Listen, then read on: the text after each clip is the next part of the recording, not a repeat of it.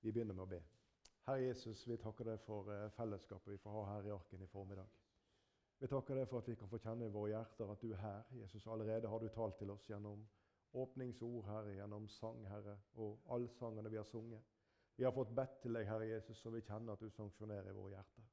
Nå ber vi, Herre, om eh, at du skal gi oss fred, Herre. Vi ber om at du skal stenge ute den vonde, Herre, med alle hans eh, tankebygninger som han nå vil plage oss med når vi skal ha stillhet over ordet ditt. Og så ber vi Herre om at du skal hjelpe oss, Herre, så vi kan forstå dybden i det du vil si til oss. Velsign stunder for oss i ditt navn. Amen. Vi er kommet til eh, del 18 av denne vår vei gjennom Bibelen. Og eh, Temaet i dag det var litt vanskelig å sette tema, synes jeg, men jeg har valgt å kalle det for 'Når motet svikter'. Vi skal lese i Fjerde Mosebok. Jeg skal bare helt kort eh, si litt om at den første delen av tre som vi på en måte har delt inn Fjerde Mosebok i, så eh, er det altså den første delen vi fortsatt befinner oss i. Den gamle slekt, altså de som utvandrer fra Egypt, og så reisen fra Sinai og frem til Kades. Frem til grenselandet mot eh, Kanan, det landet som Gud hadde lovt i. Og dette er det kretser omkring kapittel 1 til kapittel 14. Sist gang så stanser vi i kapittel 13. Um, ehm, og Vi avslutta med å fortelle litt om speiderne som kom tilbake igjen. Og så viste de litt av disse fruktene som fortalte om det landets goder som de hadde vært og utspeida. De kom med denne store drueklasen, og de hadde granatepler osv. Så, videre, så folket kunne få se fruktbarheten av dette landet. Men så leste vi også videre der om at speiderne de gjør folket motløst. Idet de begynner å beskrive for dem hvilke vanskeligheter de står overfor når de skal innta dette landet. Størrelsen på fienden og byene som er befesta og så vanskelig å komme inn i, og osv. Og, så blir folket motløst. Kapittel 14, som vi skal eh, ta for oss i dag, som er det siste kapittelet i denne første av de tre delene i Fjerde Mosebok, den handler om det opprøret som skjer. Det handler om ulydighet, og det handler om dom over Israel som konsekvens av deres ulydighet. Vi skal lese sammen Fjerde Mosebok, og vi skal lese kapittel 13 av vers 1-10. Eh, 13, Det er vel 14 det skulle ha stått der, tror jeg. Stemmer ikke det? Dere som sitter og ser i en bibel. Vi leser fra vers 1 til 10. Da tok hele menigheten til å rope og skrike, og folket gråt hele natten. Og alle Israels barn knurret mot Moses og Aron. Hele menigheten sa til dem, Gi at vi var døde i landet Egypt eller her i ørkenen, og om vi var døde. Hvorfor fører Herren oss inn i dette landet så vi må falle for sverdet? Våre koner og våre barn vil bli til rov. Var det ikke bedre for oss å vende tilbake til Egypt? Og de sa til hverandre, la oss velge oss en høvding og vende tilbake til Egypt. Da falt Moses og Aron ned på sitt ansikt foran hele den samlede menighet av Israels barn. Og Josva, Nuns sønn, og Kaleb, Jefunnes sønn, som var blant dem som hadde utspeilet landet, flerret klærne sine. Og de talte til hele Israels barns menighet og sa:" Det landet som vi dro gjennom for å utspeide, er et overmåte godt land. Dersom Herren har velbehag i oss, så fører Han oss inn i dette landet og gir det til oss, et land som flyter med melk og honning. Sett dere bare ikke opp mot Herren, og vær ikke redd for folket i dette landet, for vi skal fortære dem som brød. Deres vern er veket fra dem, og Herren er med oss. Vær ikke redd for dem. Da ville hele menigheten steine dem. Men Herrens herlighet åpenbarte seg i sammenkomstens telt for alle Israels barn. Tidspunktet når dette skjer, det var vi litt innom forrige gang. Vi er bare kommet til det andre året etter utvandringen fra Egypt. Vi leste forrige gang og hadde for oss litt om folketellingen. Og Hvis jeg spør noe hvor mange de var når de talte, så husker sikkert alle det hvis vi ber om å rekke opp hånda. 603 550 stridsdyktige menn over 20 år, eller fra 20-årsalderen og oppover. Unntatt Levi-slekt. Vi er ikke kommet lenger enn i det andre året etter utvandringen fra Egypt. Og fundamentet for den fortvilelsen som Israel nå står over, den hviler på håpløshet og tapt fokus. Nå står Israel her. De har hatt speiderne inn i landet. De kan se på fruktene som de har fått med seg derifra. De ser denne enorme vinranken, eller drueklasen.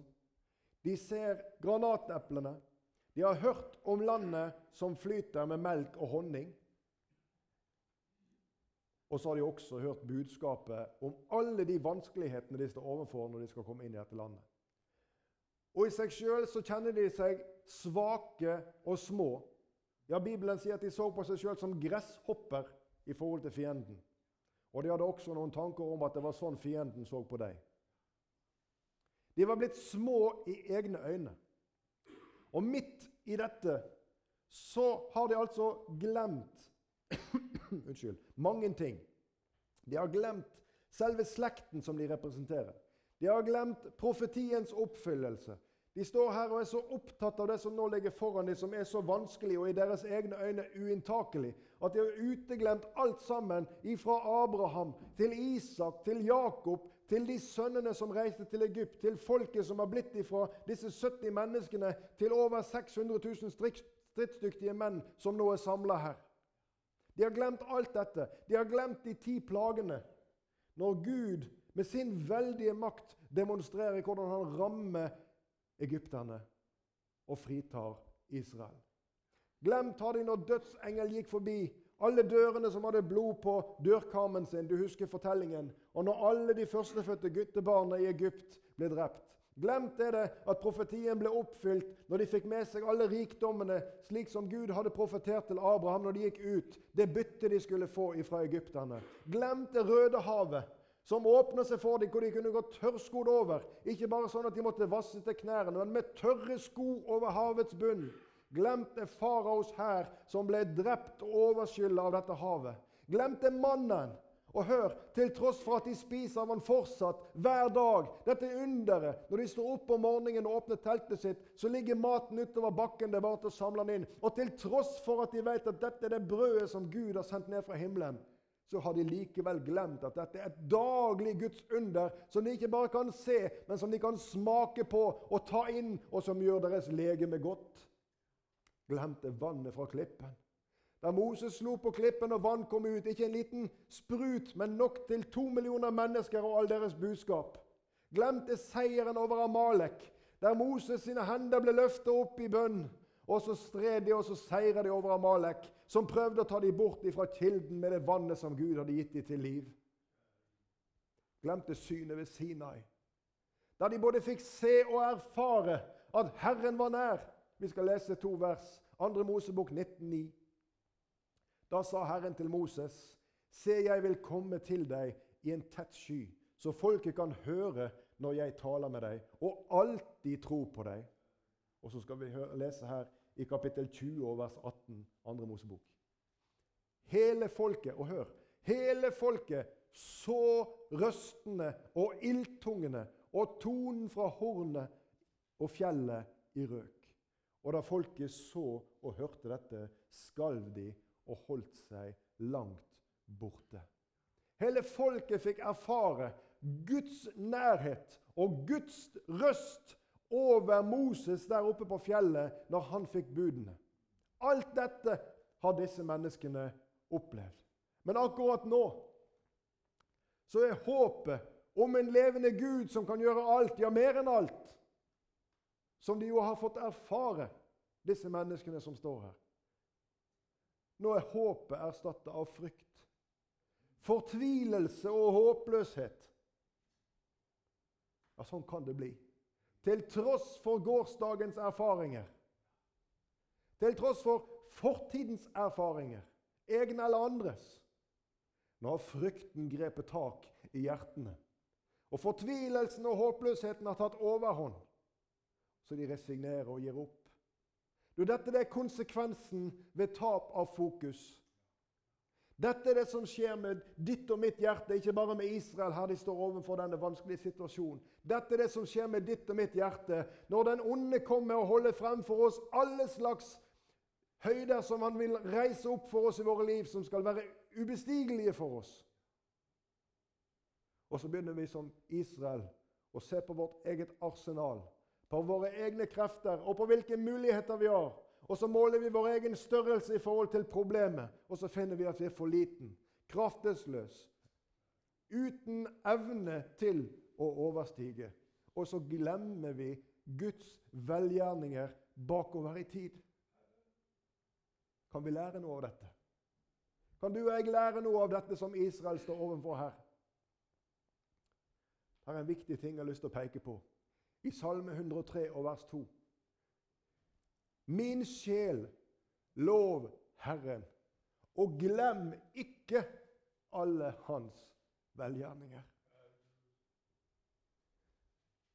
Jeg kjenner ikke hvordan trykktilstanden måtte være i ditt hjerte, du som hører på disse ordene.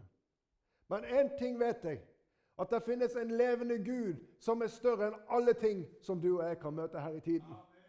Det finnes en Gud som er større enn det sykdomsbildet som legestanden ikke kan gjøre noe med. Det finnes en Gud som har helbredelsen i sin hånd, og som i dag legger sin hånd på mennesker og underfullt vis reiser mennesker opp fra uhelbredelig sykdom. Vi har bedt til han her i formiddag for mennesker som lider av den type ting som ikke vi mennesker kan få gjort noe med. Det finnes en levende Gud som bakover i tid har sørget for alt det som hans folk har trengt. Enten det har vært av timelige eller åndelige goder. Og denne Gud, han lever i beste velgående. Og han er Gud for deg. Min sjel, lov Herren, og glem ikke alle hans velgjerninger. Når vi kommer lenger framover i historien her om israelsfolket, så skal vi komme til minnesteinene som de reiste opp etter at de hadde kryssa Jordan. Og Det er et av de punktene hvor det skal kunne gå an å gå tilbake igjen til og finne en referanse for at ja, da hjelpte Gud. Jeg vet ikke hvordan din bibel ser ut inni, men i min bibel der er det noen datoer skrevet i margen. Og det er på spesielle ting og punkter i livet hvor jeg har fått kjenne at Gud har strekt ut sin hånd og møtt meg. Så når jeg blar i Bibelen min og ser disse datoene, så kan jeg tenke på det. Da hjalp Herren! Glem ikke alle hans velgjerninger. Paulus skriver til oss i Romerbrevet kapittel 15 vers 4. Og alt som før er skrevet, det er skrevet til lærdom for oss, for at vi skal ha håp ved det tålmodet og den trøsten som Skriftene gir. Dette bibelverset har jeg sitert her i arken veldig mange ganger. Og det er en grunn til det. For det ligger på mitt hjerte at vi som er Herrens folk, du og jeg som er Jesu Kristi etterfølger, som har tatt imot Jesu blods renselse over vårt liv, og som også har tatt imot den befaling som han uttalte ikke bare til sine disipler, men til hver og en av oss, med ulike oppdrag. Gå ut i all verden og forkynne evangeliet. Vitne for menneskene rundt deg hva jeg har gjort. Alt som før er skrevet, det er skrevet til lærdom for oss du, for at du og jeg vi skal ha håp ved det tålmod og den trøsten som Skriftene gir. Synes du noen ganger at det går lang tid, ja, så står det om det i dette verset her. Her står det om tålmod. Trenger du trøst, ja, så står det om det verset her. Og kilden til begge deler står oppført. Det er Skriften alene. Her finnes den rette trøst. Her finnes det håp. Her finnes det sann glede. Jesus ønsker å røre ved ditt hjerte. Om du står i grenselandet og ser inn mot det som synes så altfor vanskelig, så vil jeg si til deg løft ditt blikk og påkall Jesu navn. Og be om Hans kraft over ditt liv. Og be om Hans eget blikk over det du står ovenfor. For du skjønner, fra himmelens perspektiv så ser ting så annerledes ut enn det gjør for deg og meg. Hvordan kan vi bevare dette fokuset som vi leser om her? Hvordan kan vi bli, var, bli bevart i dette? Jo, Kolosserbrevet kapittel 3 og vers 2. Også et vers jeg har sitert mange ganger. La deres sinn være vendt mot det som er der oppe, ikke mot det som er på jorden. Du, Der oppe er kraftens kilde. Der oppe finnes eh, sann grunn til håp.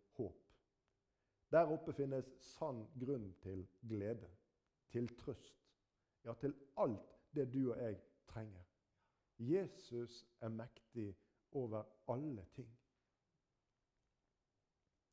Du, Bibelen, som du og jeg har fått i rikelig mål i dette landet som vi bor i. Vi har ofte opptil flere eksemplarer liggende i hjemmene våre.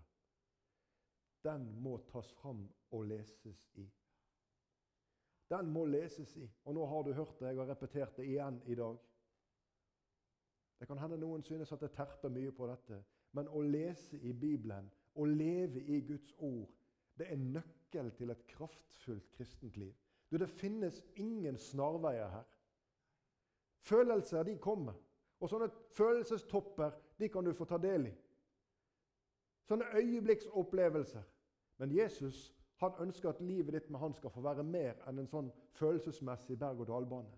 Jesus han ønsker å møte deg i ordet sitt. Og han ønsker å møte deg på en slik måte at du kan få feste lit til at han er til stede også når de dagene når livet går i bratt oppoverbakke.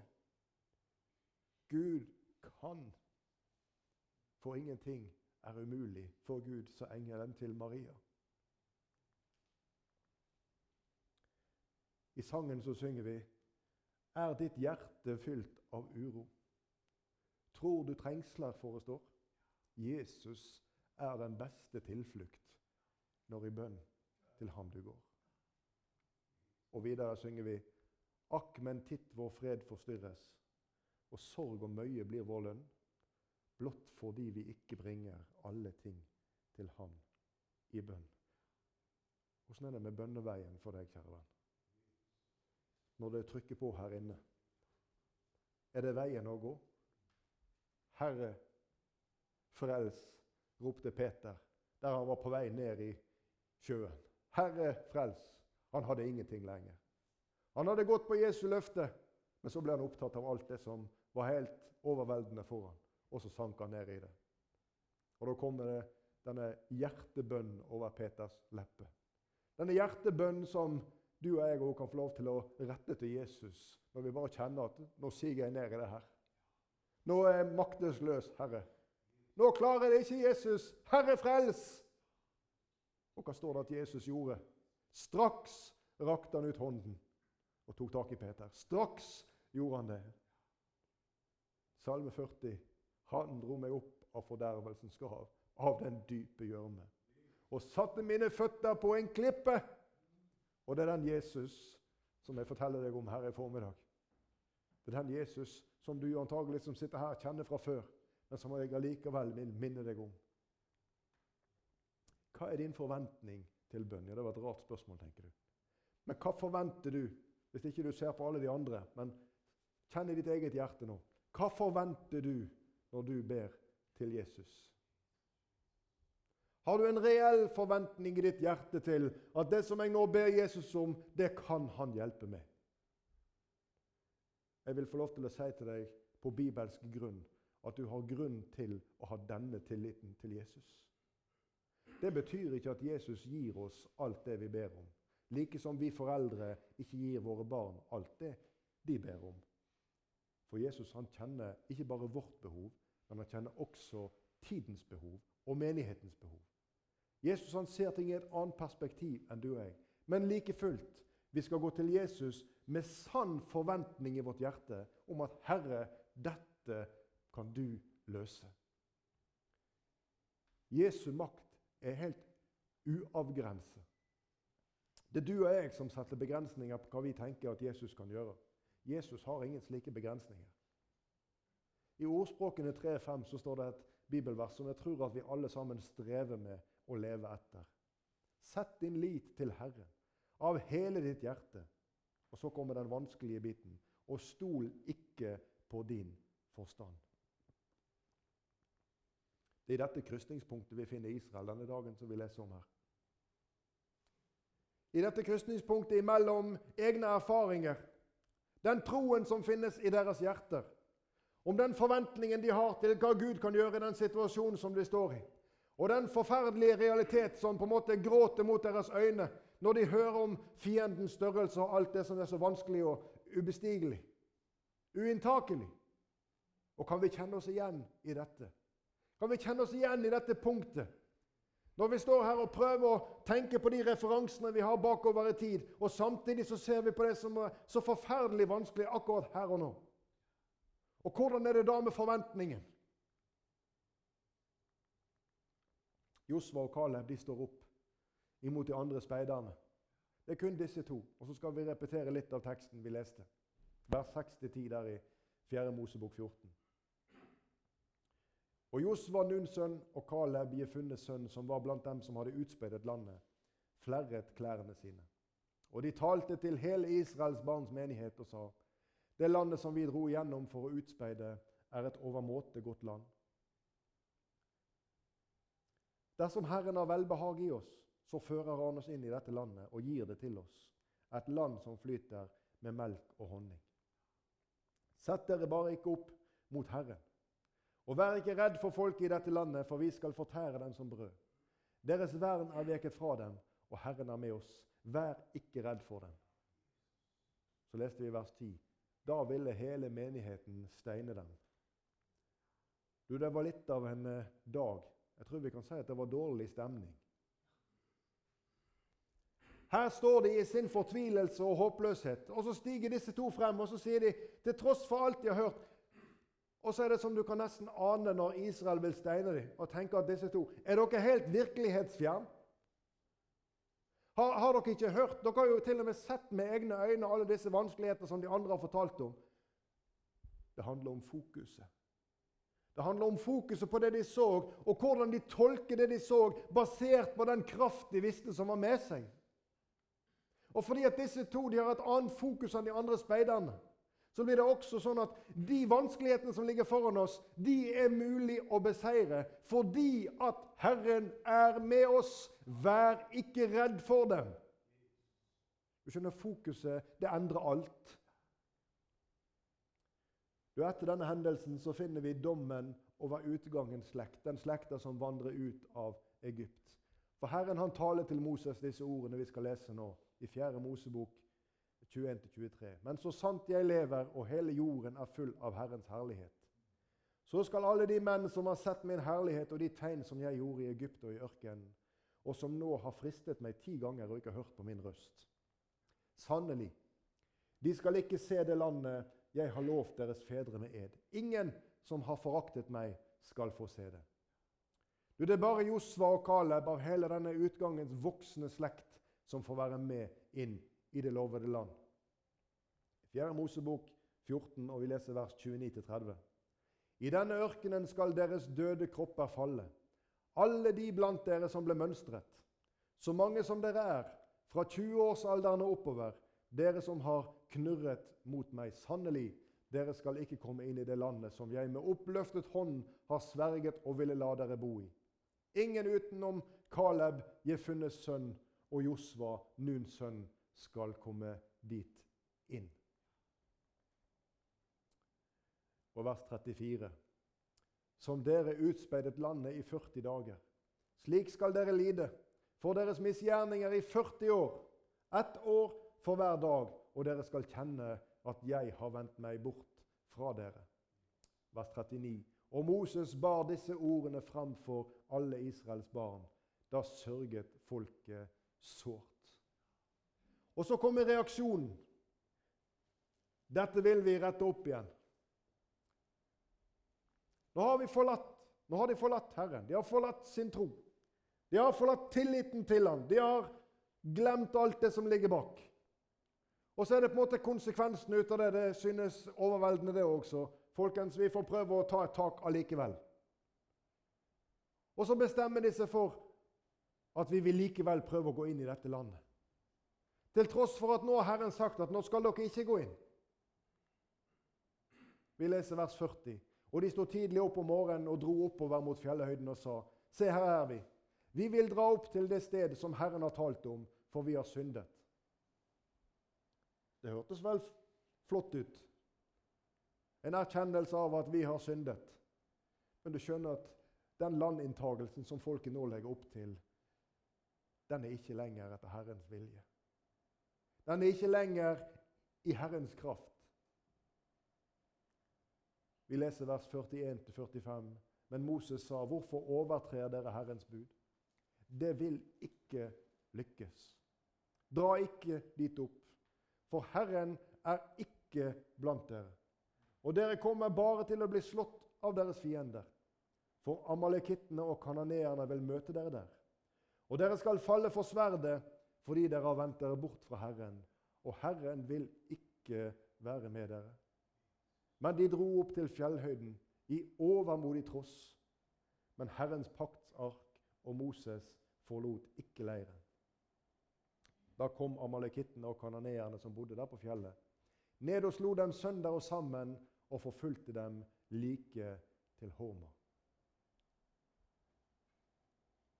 Overskriften på denne sliden dere ser her, det er 'ulydighet og egen kraft'.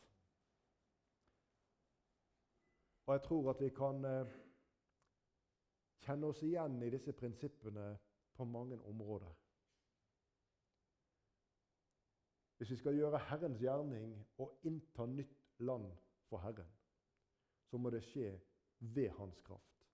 Det må skje ved Hans hjelp, for det er Herren som sørger for seieren. Ikke overmodig tross og gode ideer eller ulydighet, som vi leste om her. Du, I dette veikrysset mellom erfaring og tro og forventning og realitet, hvor henne er fokuset ditt? Du trenger ikke svare meg eller de andre her på det. Men tenk, hvor henne er fokuset ditt? Når du nå skuer inn i noe som er så vanskelig at det er uløselig, hva er ditt fokus? Det er når Gud synes taus, til tross for at du har bedt og bedt, og når svaret synes å dra ut i tid.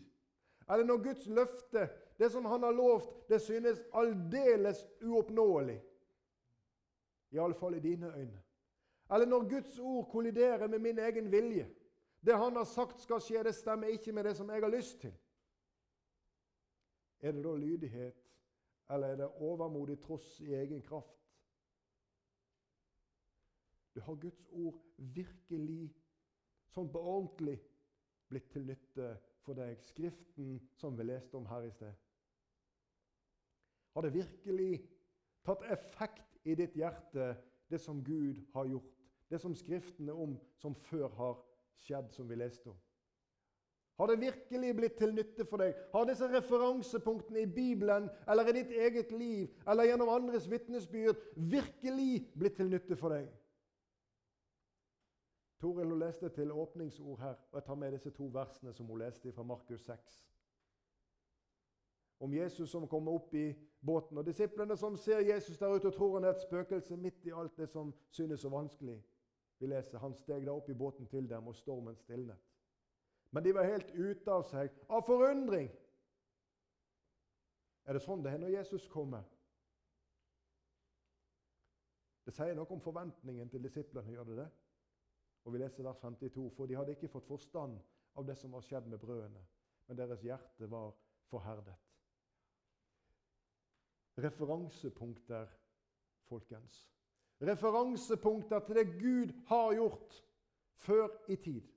Til det Gud har gjort for deg eller for andre, eller som han har skrevet om i Bibelen. Til tross for det så finner vi oss sjøl undrende over når mennesker blir helbredet.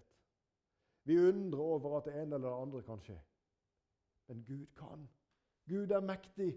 Slik som han var, slik er han fortsatt. Og Jesus han ønsker å vise deg, kjære venn, han ønsker å vise deg hvem han virkelig er. Og det vil han vise deg gjennom Bibelen. Gjennom sitt ord så vil han ved sin ånd åpenbare hvem han er. Og dette er Paulus' bønn når han ber om at Gud må gi deres hjertes lys til åpenbaring om seg, om Gud. For det er det vi trenger. Vi trenger åpenbaring om Guds skikkelse, om Guds størrelse, om Guds makt, om Guds fred, om Guds frelse, om det han har gjort for deg og meg, om hans omsorg. Du, når du leser Salme 23, og den skal ikke vi ta tid til å lese her i dag, så er det denne hyrden som vi leser om her. Du, det er din Jesus. Han som lar deg ligge i grønne enger. Han som fører deg til hvilens vann. Han som salver ditt hode med olje. Han som med sin kjepp og sin stav leder deg. Og det er et av favorittordene mine i Bibelen. Det står i Salme 23. Nå kan du lure på hva det er for noe. Jo, det står et ord der som står 'etterjage'. Og det er favorittordet mitt. For det er noe som Jesus skal gjøre. Det er ikke noe som jeg skal gjøre. Bare godhet og miskunnhet skal etterjage meg alle mitt livs dager. Halleluja! Etterjage. Jesus kommer etter og vil fylle mitt liv med det som jeg trenger. Og den forventningen kan jeg få ha til Jesus. Så nå vet du det. Favorittordet mitt. Etterjage Jesus. Min hyrde fra Salme 23. Din hyrde fra Salme 23 har denne omsorgen for deg. Du vil du være som Josva og Kaleb? Ja, det vil vi alle. Men kan vi det? Kan vi klare å stole på dette uansett at denne hyrden vi leser om i Salme 23, han er mektig til stede i ditt liv? Jeg trenger hjelp til, stadig hjelp til dette tillitsforholdet i mitt eget trosliv. Jeg trenger stadig å be Jesus om dette. Herre, forøk min tro når jeg synes at jeg står overfor, er altfor vanskelig. Hjelp meg, Herre Jesus. Fyll mitt hjerte med din fred og visshet om at dette kan du håndtere. Vi skal nærme oss å gå inn for landing, men vi skal ta noen bibelvers. 5. Mosebok 31, vers 8. Og det er ordene som Josfa fikk før han skal dra inn i dette landet. Og er Vi kommet langt fram, og da er vi ferdig med de 40 årene som vi har lest om her i dag. Herren, han som drar foran deg, han skal være med deg. Han skal ikke slippe deg og ikke forlate deg. Du skal ikke frykte og ikke være motløs. Tenk for noen ord. Her står han overfor grenselandet skal gå inn. Han vet at fienden er der inne like stor og mektig som den var den gangen de sto ved grensen sist gang. Men du skal ikke frykte og ikke være motløs. For Herren som drar foran deg, han skal være med deg. Og det samme løftet det gir Jesus til deg i dag. Jesaja 41, 41,10.: Frykt ikke, for jeg er med deg. Se deg ikke engstelig om, for jeg er din Gud. I presens er din Gud, i dag og i morgen og alltid er din Gud. Jeg styrker deg i presens nå og hjelper deg nå og holder deg oppe med min rettferds høyre hånd. Jeg blir veldig begeistra. Det synes på utsida på meg, men jeg blir veldig begeistra over disse ordene. For dette er Guds løfte til våre hjerter som søker Ham. Han sier til oss, 'Frykt ikke', og vi gjør det likevel. Slik som Israel gjorde det. Men han har i formiddag forsøkt å minne oss om et fokus som må ligge hos han, på hans makt og på den trygghet som finnes i å vandre på hans veier. Helt mot slutt skal jeg sitere et sangvers. Jeg har møtt Jesus Krist, mannen fra Galilee. Jeg har kjent hans guddommelige kraft. Mine øyne han åpnet så jeg kunne se. Det er sant, hvert et ord han har sagt. Det var broder Åge som skrev denne teksten her. Og så håper jeg at du kan, nærmest om ikke vi synger denne sangen, at du kan ha denne sangen som din i ditt hjerte, og kan vitne om det samme. Jeg har møtt Jesus Krist. Og mine øyne han åpnet så jeg kunne se. Det er sant, hvert et ord han har sagt. Herre, jeg ber om at du må hjelpe oss med dette fokuset. Jeg ber om at du må hjelpe oss å løfte blikket vårt opp ifra denne verdens bekymring, Herre. Vi ber Jesus om hjelp til å søke deg i ordet ditt der du har sagt at du er å finne. Vi ber Herre Jesus om stillhet i våre liv Herre, på en slik måte at Den hellige ånd kan få tale til oss. Herre kan få arbeidsrom hos oss, Jesus, og gi vårt hjertes øye lys til åpenbaring om deg.